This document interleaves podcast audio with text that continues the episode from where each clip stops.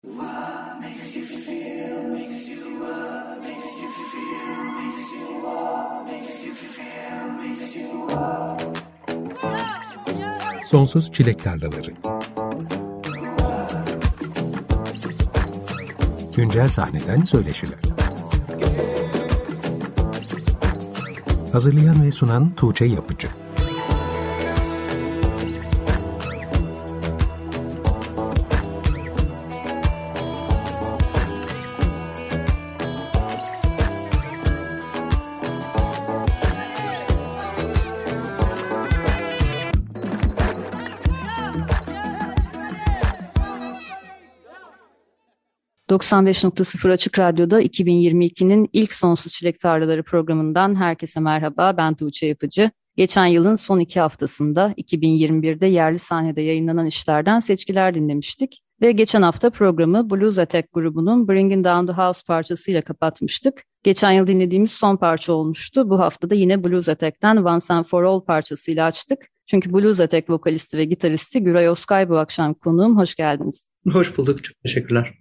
Nasılsınız? Gayet iyiyim. İlk radyo röportajımız olduğu için de çok heyecanlıyım. Blues Attack grubunun 10 parçadan oluşan ve şimdiye kadar yurt dışı basından, özellikle blues çevrelerinden olumlu eleştiriler alan Bringing Down the House adlı ilk albümü 26 Kasım'da yayınlandı. Albümün çıkışının üzerinden yaklaşık bir ay geçti, henüz çok taze. Bu akşam önümüzdeki bir saat boyunca Güray Oskay'la albüm üzerine konuşacağız ve albümden parçalar dinleyeceğiz. Ama Blues Attack'ten bahsetmeye başlamadan önce bir not düşelim istiyorum. Çünkü siz Açık Radyo'nun eski programcılarındansınız. Hem sizi özleyenler vardır hem de belki yeni dinleyicilerimizden bu ayrıntıyı bilmeyenler de olabilir. Sizi hangi senelerde, hangi programlardan hatırlıyor Açık Radyo dinleyicileri? Üzerinden biraz zaman geçti. Tanju Eren'le birlikte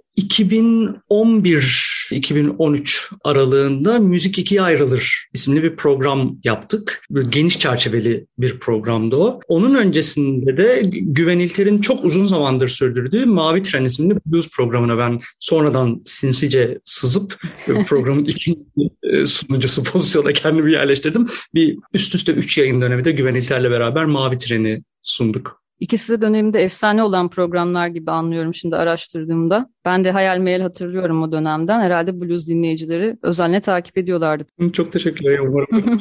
Çok özlüyorum radyoda olmayı, onu söyleyebilirim. Düşünüyor musunuz tekrar? Sürekli. Eğer düzenli vakit ayırabileceğime emin olursam mutlaka tekrar yapmak istediğim bir şey. Umarım yine görürüz sizi. Umarım. Blues Attack sizinle birlikte 5 kişilik bir grup ve kuruluş tarihi 2017 olarak geçiyor ama aslında grubun temelleri çok daha eskiye dayanıyor. Grup üyeleri zaten blues sahnesinde uzun senelerdir aktif olan müzisyenler. Biraz grup üyelerinin Blues Attack kurulana kadar neler yaptığından bahsedelim mi? Ekipteki isimleri Blues Attack öncesinde hangi projelerden tanıyoruz? Tabii dediğiniz gibi biz beşimiz de böyle farklı kombinasyonlar halinde birbirimizi çok uzun süredir tanıyan insanlarız. Özellikle Batur, Tarkan ve Sezen 25 yılı aşkın bir birlikte çalma geçmişleri var. Özellikle 90'larda İstanbul'da canlı müzik piyasasını iyi bilenler hatırlayacaklardır. Jazz Stop'ta, Mojo'da, Kemancı'da, Yaga'da, Hayal Kahvesi'nde her akşam çok iyi grupların çıktığı muhteşem bir dönem vardı. O dönem Just Stop Band diye bir efsane vardı davulda Engin Yörükoğlu'nun olduğu. Batur Sezen ve Tarkan orada ilk defa üçü birlikte çalmaya başlıyorlar ve çeşitli davulcular, çeşitli vokalistlerle o canlı müzik piyasasındaki işleri hep devam ediyor. Ali ve ben 1998'den beri başka bir grupta e, blues çalıyoruz. Hep klasik blues çala geldik. Ve dediğim gibi farklı kombinasyonlar halinde de birbirimizle hep çalmışlığımız, etmişliğimiz var. Benim aralıksız dırdırım sonucu diyebilirim. Birlikte bir şeyler yapmamız lazım diye e, o kadar çok söylendim ki 2017'de iyi tamam peki yapalım hadi bir şeyler dedirttim bu beşliye ve böyle 2-3 provada hemen hızlıca bir set list oluşturup grubu hızla sahneye çıkartmayı başardım. 2021'de hatta 2020'nin ikinci yarısında bile yayınlanan çoğu albüm aslında pandemi koşullarının dolaylı bir sonucu olarak dinleyiciyle buluştu.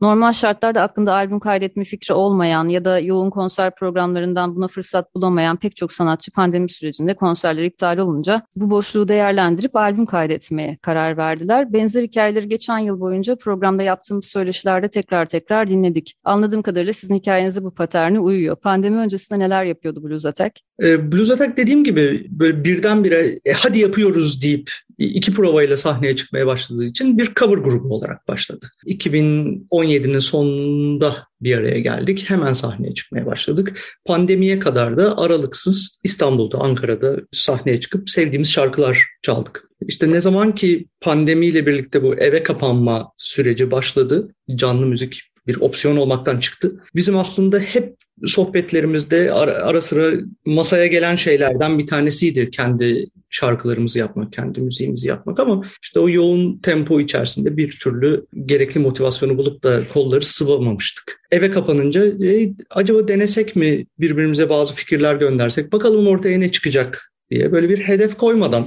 hadi albüm yapıyoruz gibi bir başlık koymadan şöyle bir girişelim dedik. Tahmin ettiğimizden çok daha hızlı ve çok daha verimli bir süreç oldu. O da hızlıca albüme dönüştü zaten. Yani albümdeki parçaların hepsi pandemide mi yazıldı yoksa önceden Zula'nızda olan sahnede icra ettiğiniz şarkılarda var mıydı? Hiç yoktu. Tamamı pandemide yazıldı. Hatta şöyle söyleyeyim size. Mart ortasında kapanıldıktan sonra Nisan'ın ilk haftasıydı yanlış hatırlamıyorsam. ilk böyle bir WhatsApp mesajıyla ya işte bir şeyler yapsak mı çocuklar ne diyorsunuz mesajının sonra 5. haftanın içinde bizim elimizde sözleri yazılmış, bütün strüktürü çıkmış. Hatta bazıları için solo fikirleri bile oluşmuş 12 tane parça vardı. Çok hızlı harekete geçmişsiniz. Aslında genelde birkaç ay sonra harekete geçmeler başlamış. Bu tür şeylerde hemen o anın ateşiyle Başladınız başladınız. Evet, Başlamazsanız bir kere ertelendi. Sonra o ertelemeler haftalarca aylarca devam edebiliyor. En büyük şansımız burada özellikle kendisini almak lazım. Tarkan'dan fikir yağdı diyebilirim. Sürekli bir şeyler kaydedip gönderdi. Açık Radyo'da Sonsuz Çilek Tarlaları programındasınız. Blues Attack'ten I Need Time dinledik. Grubun vokalisti ve gitaristi Güray Oskar ile birlikteyiz bu akşam. Blues Attack üyeleri dışında albüme katkıda bulunan değerli bir konuk müzisyen kadrosu da var. Onları da analım isterim. Kimler katkıda bulundu albüme? Biraz önce adını andığımız Serkan Çiftçi trompette ve Özgür Şengül saksafonda nefeslileri çaldılar. Bir şarkıda Truckers Blues'da Burak Ocakçı armonika çaldı. Harika bir solo kaydetti. Onun dışında back vokallerde Göksen'in Tuncalı, Bengüsü Önal ve Pelin Özülkü geldiler, vokaller kaydettiler. Gerçekten yıldız bir kadro. Kesinlikle. Çok şanslıyız. Albümdeki şarkıların sözleri size ait, müzikler ekipçe mi bestelendi? Aynen. Aynen. Bazen şarkıların fikrini bir kişi ortaya attı ama birlikte yoğurup finalize ettik. Sözler bana ait. Albüm kayıtları da Jingle House'ta gerçekleşmiş. Rebel Move's'tan tanıdığımız sevgili Ömer Ahunbay ve Hakan Özer'in Jingle House'unda. Neden orayı seçtiniz ve nasıl geçti kayıt süreci? Bir defa hem Hakan hem Ömer abi teşekkür ederek başlayalım. İkisine de müteşekkiriz bize stüdyoyu açtıkları için. Klavyedeki Sezen Köroğlu çok uzun zamandır Hakan ve Ömer abiyle beraber çalışıyor. Ve de pandemi sırasında da stüdyoya o kadar yakın yaşıyor ki en çalışamadığımız, işe gidemediğimiz dönemde bile hızlıca hemen stüdyoya geçip bizim için bir şeyler kesip içme şansı oldu. Öyle bir durumda da özellikle yoğun çalıştığımız veya sadece kısıtlı zamanlarda sokağa çıkabildiğimiz durumlarda kullanabildiğimiz kullanabileceğimiz elimizin altında bir yer olması, muhteşem teknik imkanları olması bizim için çok büyük bir şanstı. Bir nevi evde kaydettik diyebilirim aslında. Peki şarkıları 2020'nin Nisan başında oluşturmaya başladığınızı söylemiştiniz bir önceki bölümde. Hı hı. Sonrasında ne kadar zamanda oluştu ve kayda ne zaman girdiniz? Kayda ne zaman girdik? Aslında geleneksel metottan biraz uzaklaştığımızı söyleyebilirim. İlk önce düzenlemeleri bitirip provalar yapıp ondan sonra haydi şimdi kayda giriyoruz yerine şarkıları düzenlemekteyken o kesip biçme aşamasındayken bazı şeyleri kaydetmeye başladık. Hatta bir kenara not aldığım ve gördüğüm herkese söylediğim muhteşem bir cümle var. Kayıtlara daha yeni başlarken Sezen bir gün bana te- telefon açtı ve dedi ki ya artık stüdyoya gelmen lazım seninle bir iki vokal kaydı seansı yapalım dedi. Ben de sordum yani asıl kayıtlara girişmek için mi yoksa daha nitelikli demolar oluşturmak için mi istiyorsun diye. Demo gibi okursan demo olur o kadar nihai ürüne yönelik kayıt yapmaya o kadar erken aşamada açıktı. Hani tamam dedim o zaman nihai ürün gibi okuyalım ve kullanabiliyorsak ne ala. Hemen Mayıs sonu Haziran başı gibi vokal kayıtları almaya başlamıştık. Hatta hangileri olduğunu söylemeyeceğim ama ilk demo için evde yaptığımız gitar kayıtlarının hatta çok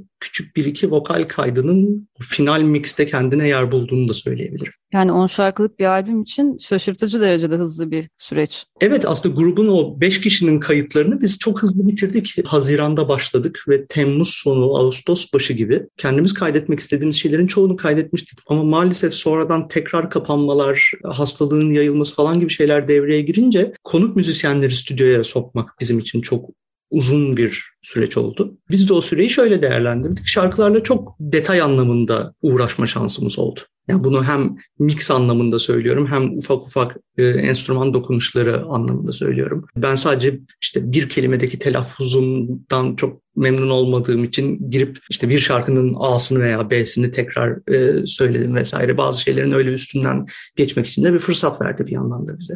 2021'de bunlarla geçti herhalde aslında yılın ortasında bitmişti diyebilirim. Oradan sonra sadece bir bu albümü piyasaya nasıl süreceğiz, kiminle süreceğiz, hangi platformlarda olacak, bağımsız olarak mı çıkaracağız, birileriyle birlikte mi çıkaracağız falan gibi konuları tartışarak bir takım görüşmelerle vesairelerle ve final mix ve masteringle geçti diyebilirim.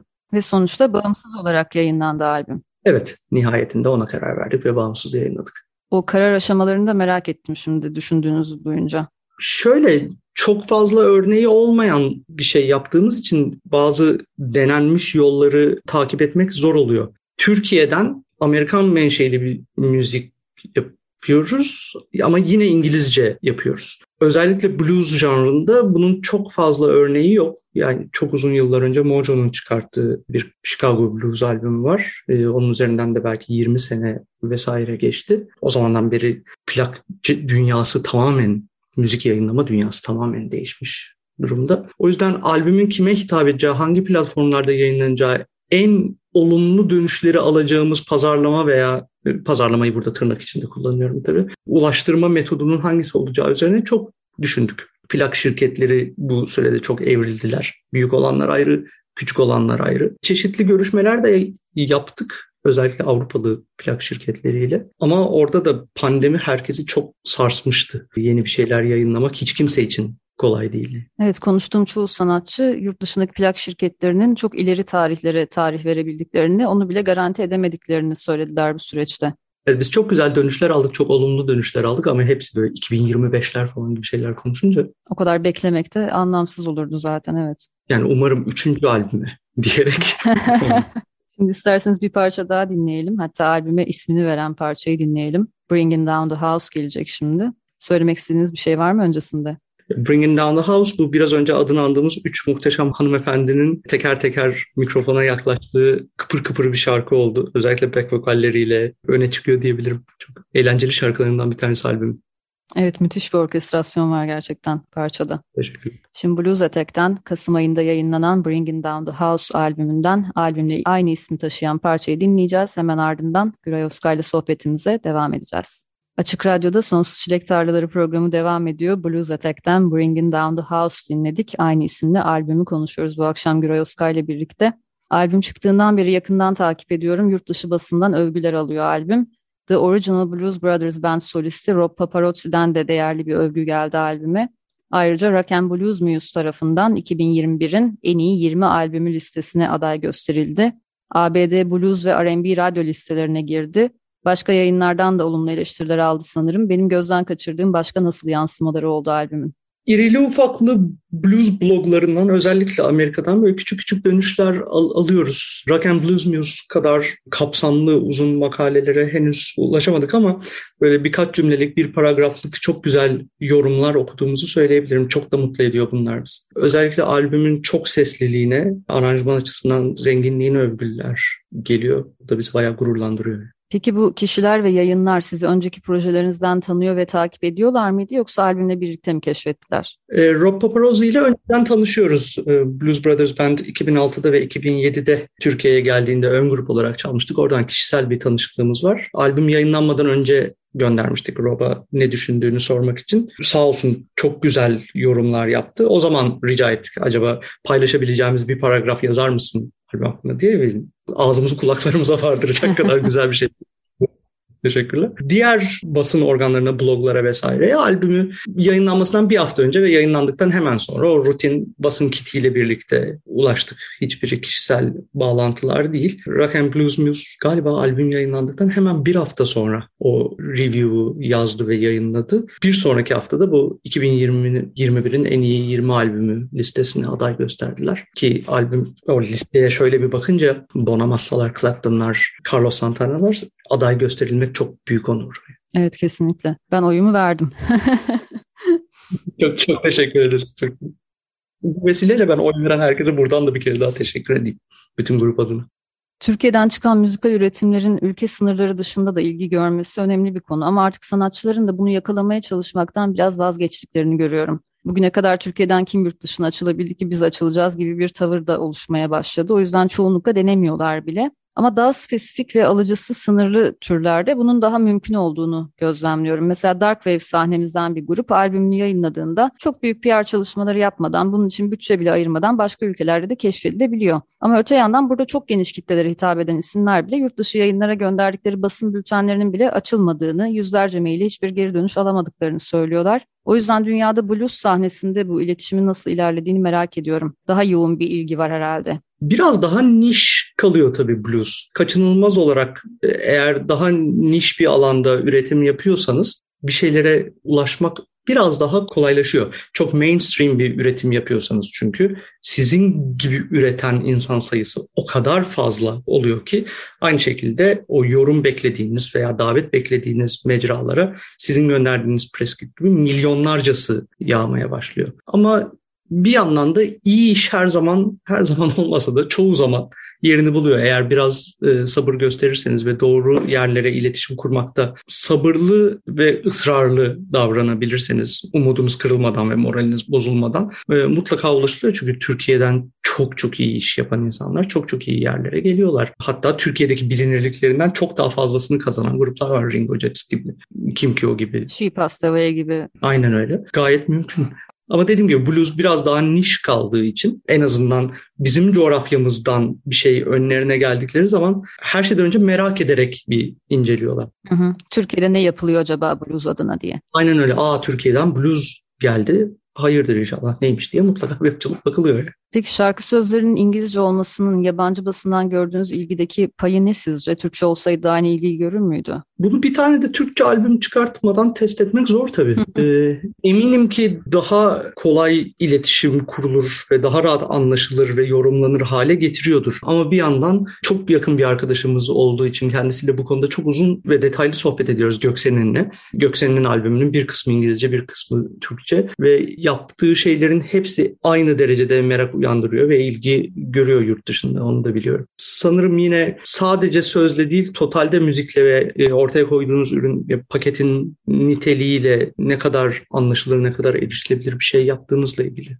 Anlaşılır olmak sadece sözden ibaret değil çünkü müzik üretirken. Mesela Rock and Blues Muse'daki review'da fark ettim. Şarkı sözlerindeki hikayelerden de bahsetmişler. Bunda herhalde İngilizce olmasının payı biraz yüksek. Çünkü aksi takdirde sizin belki çevirilerini göndermeniz gerekiyor. Onların o çevirileri de okuyup incelemek için bir emek sarf etmeleri gerekiyor. İş birazcık daha zorlaşıyor aslında. Tabii o zaman kendinizi anlatmak için ekstra bir çaba harcamanız lazım. Bakın ben bu şarkıda böyle böyle bir şey anlatıyorum Hı-hı. diye. Bir anda daha uzun bir press kit evet. oluşturmaya başlıyorsunuz. Evet. Daha fazla şey anlat Öbür türlü zaten kulaklığı taktığı anda sizin ne anlattığınızı anlayabiliyor. Evet karşı taraf için de daha uzun bir süreç oluyor eleştirmen için de. Aynen öyle. Sizin tüm albümün İngilizce sözlü şarkılardan oluşması kararınızda ülke sınırları dışında daha fazla ilgi görme ihtimali var mıydı? Yoksa kendinizi daha iyi ifade ettiğiniz veya içerisinde dolaştığınız blues, funk, rock, country janralarında İngilizceyi fonetik anlamda daha rahat oturtabildiğiniz için böyle olmasını tercih ettiniz? Orada bir sürü şeyin birleşimi söz konusu. Her şeyden önce albüm yapmaktaki motivasyonumuz yani neden böyle çok ciddi bir projeye girişiyoruzun altındaki sebep çıkıp yurt dışında çalma isteğimizdi. Eğer yurt dışında çalmak istiyorsanız yurt dışında daha fazla dinlenecek bir şey üretmeniz lazım. Yaptığımız müzik zaten orijinalinde İngilizce sözlü bir müzik. Doğuşu ve bütün dünyaya kültürel olarak yayılışı itibariyle. Bir yandan da ben şöyle düşünüyorum. Birden fazla dil konuşuyorsanız ve kendinizi rahatça ifade edecek kadar hakimseniz o dile herhangi bir dilde üretim yapabilirsiniz. Biz de bunların hepsi bir araya gelince ilk öyle akmaya başladı zaten proje. Yani oturup bir komite gibi karar verdiğim Yani haydi İngilizce bir albüm yapıyoruz diye değil. Ben ilk şarkıya söz yazarken birincisi İngilizce çıkıverdi. ikincisi İngilizce çıkıverdi. E sonra oturduk konuştuk tabii. Yani hepsini İngilizce yapıyor muyuz diye. Ki onda bile bir sınır koymadık. Yani bir tanesi Türkçe çıkar, Türkçe yapı veririz dedik. Bu albüm de çıkmadı. Ama bir yandan dinleyen insanlardan ciddi miktarda istek geliyor. İkinci albümde bir tane Türkçe şarkı olsun diye bakalım. Yapabilecek miyiz? Olabilir yani. Olabilir tabii ki olabilir. Rob Paparotti de albümünüzden bahsederken müziğinizdeki groove'a bir övgüde bulunmuş. Benim de bir dinleyici olarak müzikte aradığım şey groove'dur. Groove öğesi eksik kalınca müziğin bir kanadı kırık kalıyor gibi geliyor bana. Sizin albümünüzde de baştan sona groove'u hiç kaybetmemeniz öne çıkan bir özellik bence. Siz bu albüm için yola çıkarken temel derdiniz neydi? Sound'da neyi yakalamayı ve müziğinizi var olan örneklerden hangi anlamda farklılaştırmayı istiyordunuz? Sadece albüm için değil bizim Blues Attack'i kurarken de derdimiz buydu. En başta dedim ya sevdiğimiz şarkılardan oluşan hızlıca bir set list oluşturduk diye. O şarkılar belli bir çerçevenin içine sığsın gibi bir derdimiz yoktu. Kendimizi müzikal türlerle hiçbir zaman sınırlamak istemedik. Canımız ne çalmak istiyorsa çaldık. Tabii ki çaldığımız her şey doğrudan veya biraz dolaylı ama mutlaka blues'a bağlı. Ama ben blues'un alt türleri gibi bir tanımdan ziyade bir sürü çağdaş türün üst türü olarak blues diye bakıyorum. O yüzden klasik rock'ta çalıyorsanız, funk'ta çalıyorsanız, blues rock'ta çalıyorsanız bir yerinden onlar blues'a hep bağlı. Biraz daha çatı gibi herhalde. A- aynen tam olarak çatı gibi düşünüyoruz. Bununla beraber country çalarken bile, funk çalarken,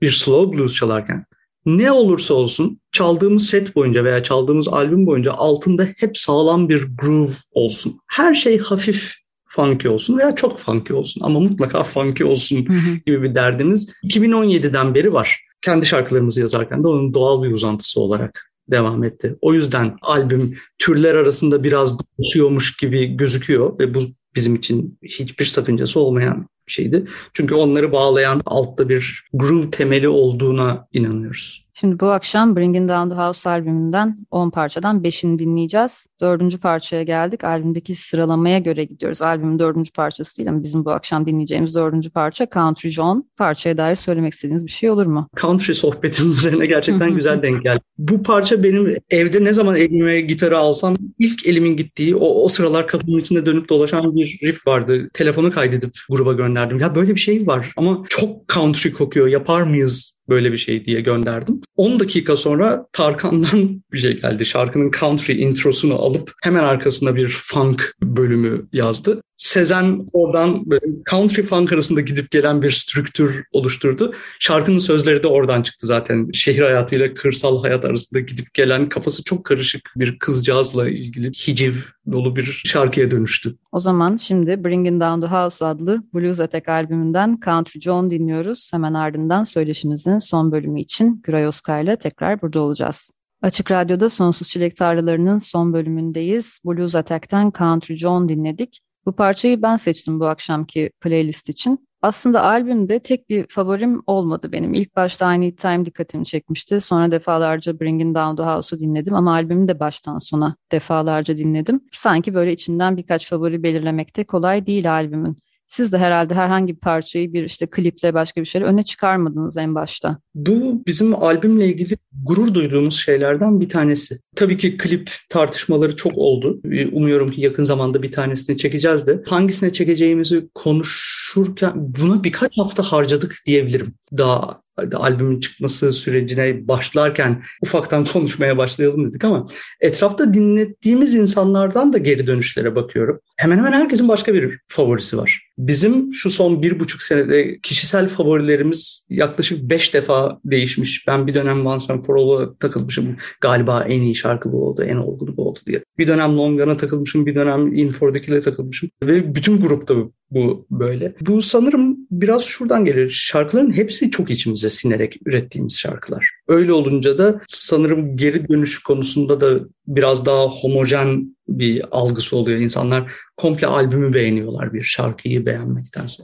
Bu da bizi çok çok mutlu ediyor. Bir sanatçı herhalde bir albüm için başka bir şey isteyemez diye düşünüyorum. Herkesten farklı favoriler gelmesi. Yani özellikle albüm denen şeyin bu kadar sorgulandığı bir çağda daha da mutluluk verici. Çok fazla sanatçı artık albüm üretmek yerine şarkı üretmeyi, albüm satmak yerine şarkı pazarlamayı tercih ediyor. Müzik endüstrisinin geldiği durumla bu gayet anlaşılır da bir şey. Ama ben hala da albümün gücüne çok inanıyorum. Biz grupça çok inanıyoruz. Belli bir tema etrafında veya belli bir sound etrafında bir araya gelmiş 10 şarkı, 15 şarkı çok güçlü bir şey. Şimdi yerli blues sahnemize dair benim aklıma takılan bir soru var. Siz de bunu konuşmak için en doğru insanlardan birisiniz. O yüzden sizi bulmuşken sormak istiyorum. Blues müziğin Türkiye'de dinleyicisi ve meraklısı çok. Özellikle 2000'lerde yurt dışından gelen blues sanatçılarının konserlerine sık sık gidiyorduk. Pozitif'in düzenlediği 20-30 şehri dolaşan blues festivallerinin de sanırım çok etkisi oldu Türkiye'deki blues dinleyicisinin oluşmasında. Son senelerde o kadar fazla blues konseri olmasa da gerçekleşen konserler dolu geçiyor. Seneler içinde blues dinleyicilerinin buluşma noktası olan önceden Shaft gibi, şimdilerde Ağaç Ev gibi kaleleri oldu bu türün. Taksim'deki mekanlardan siz bahsettiniz zaten irili ufaklı pek çok mekanda bu tür kendisine yer bulabildi. Şimdilerde daha çok Kadıköy'e sıkıştı sanırım. Blues sahnesi çok yetkin müzisyenlere sahip bir sahne. Şahane canlı performanslar izleyebiliyoruz. Ama bu sahneden çok az sayıda kayıt çıkıyor.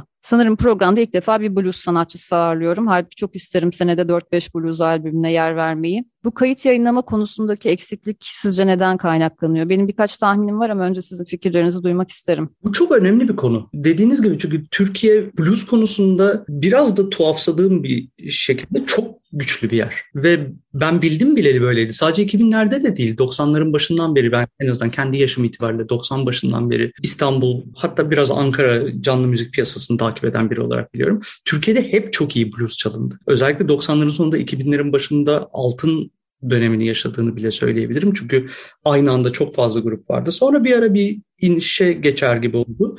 Bu aralar yine çok fazla grup var. Bu aralar talihsiz olan mekanların çok azalmış olması. Bugün biraz önce bahsettiğiniz Kadıköy'deki Ağaçev'e giderseniz Ağaçev'in işletmecisinin sürekli tüyleri diken diken bulursunuz. Elinde çok fazla grup var ama haftada 7 gün var ve program yapmakta zorlanıyor. Bu bir yandan herhangi bir işletme için muhteşem bir şey.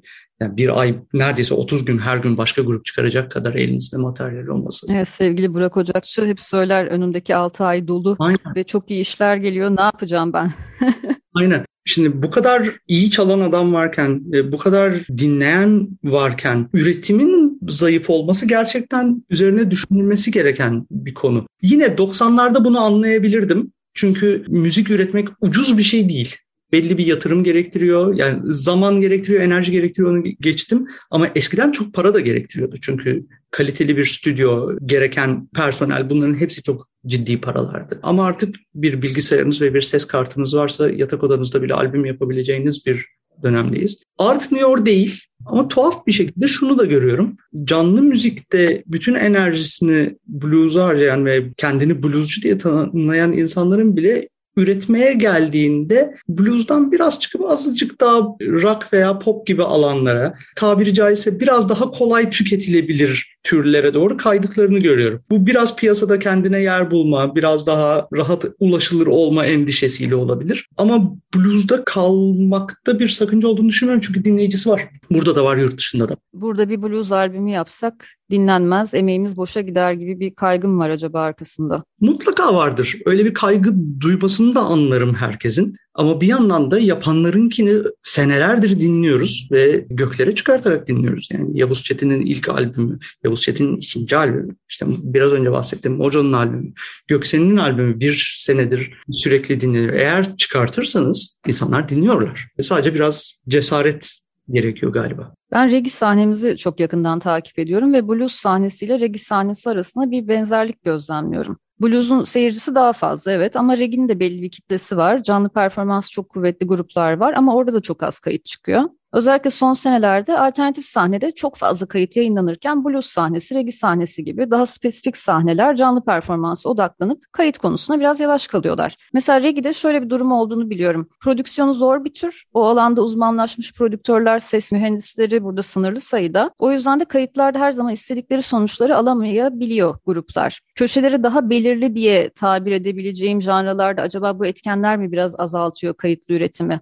Türün batıdaki örneklerine yakın kayıtlar ortaya çıkartamama endişesi mi sanatçıların kayıt yapma konusunda cesaretini kırıyor? Blues'da da benzer bir durum var mı sizce? Bunun etkisi olabilir ama onun biraz daha minimumda olduğunu düşünüyorum. Çünkü hayranı olduğumuz blues albümlerindeki kayıtlar ekseriyetle rezalettir. Yani 1950'lerde 60'larda kaydedilmiş dünyanın en iyi blues albümleri arasında göstereceğimiz albümler. Yani hangi Buddy Guy albümünün veya işte Little Walter albümünün kaydı iyidir? Arkadan mutlaka bir mikrofondan bir şey tıslıyordur, bir şey iyi duyulmuyordur ama olağanüstü albümlerdir. Yani ilk önce kaydın kalitesinden ziyade içeriğine odaklanmak lazım. Ama reggae ve özellikle blues özelinde şunun altını çizmek mümkün olabilir.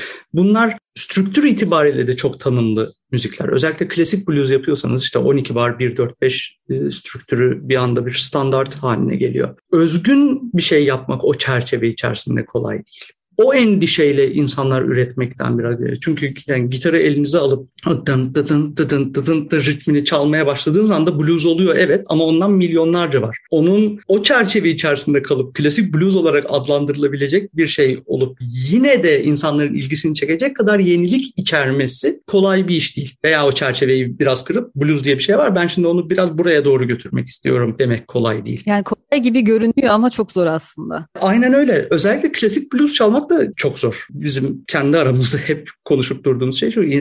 Blues'a burun kıvıranlar genelde o sınırlılığı yüzünden burun kıvırıyor. Üç tane akor var. Hep aynı şey, hep aynı şey. E tamam e, bir gün niye 80 sene boyunca o üç aynı akoru çaldı durdu o zaman ve her albümünde bir daha bir daha koştu kaldık. Çünkü hala da o küçücük çerçevenin içinde bile özgün olacak çok yer var. Sadece taze güzel bir bakış açısı ve iyi bir birikim ve tecrübe gerektiriyor. Biraz da cesaret gerektiriyor dediğim gibi. Yani aslında şarkı yazma ve özgün beste üretme konusunda galiba temel tıkanıklık. Böyle anlıyorum. Aynen öyle. Geçenlerde muhteşem bir şey oldu. Blues Derneği gençlerle birlikte harika bir çalışmaya imza attı. Daha önce hiç kayıt yapmamış, hiç beste yapmamış. Sayılarını hatırlamıyorum. Yanlış hatırlamıyorsam 10 14 genç çeşitli enstrümanlarla bir takım koçlarla birlikte bas gitar koçu, davul koçu, vokal koçu vesaire bir kampa girdiler ve bu kampın sonunda bir şarkı ürettiler. YouTube'da bunun bir mini belgeselini seyretmek de mümkün Blues Derneği'nin hesabından.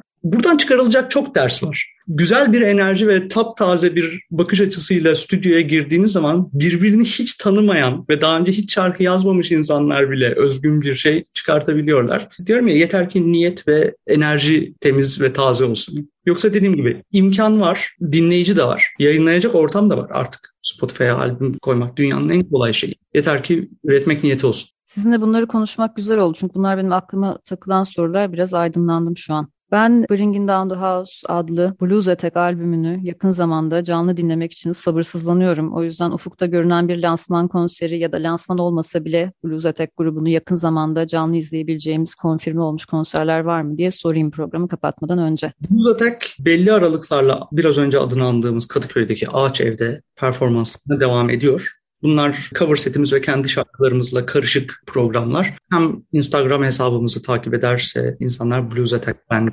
kullanıcımız hem de web sitemizden yine bluesattackband.com sitesinde bu programları düzenli olarak paylaşıyoruz. Güzel bir lansman konseri fikrimiz var.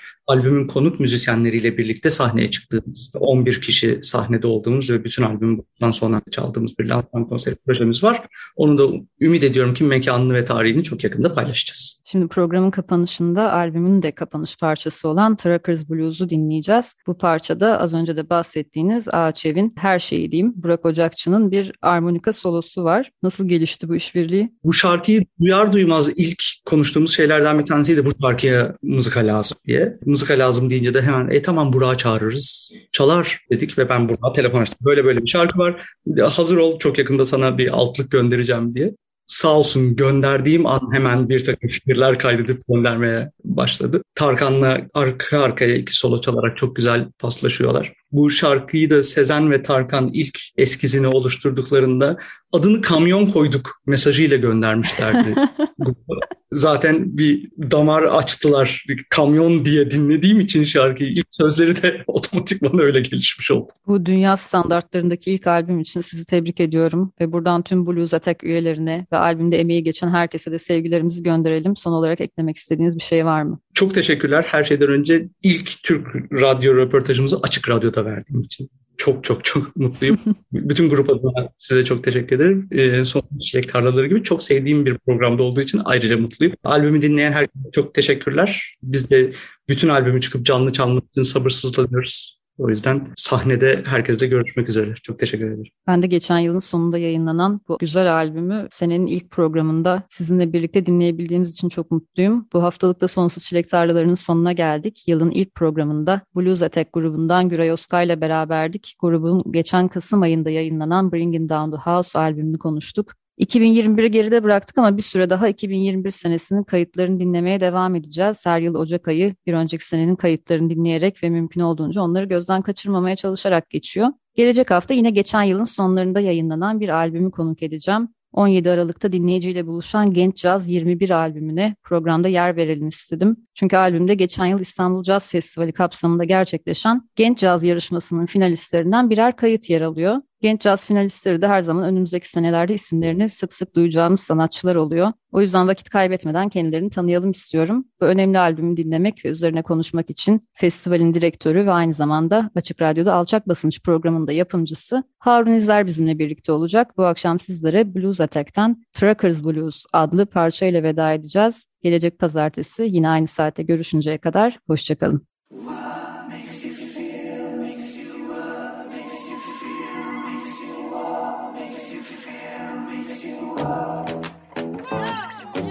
Sonsuz Çilek Tarlaları. Güncel sahneden söyleşiler. Hazırlayan ve sunan Tuğçe Yapıcı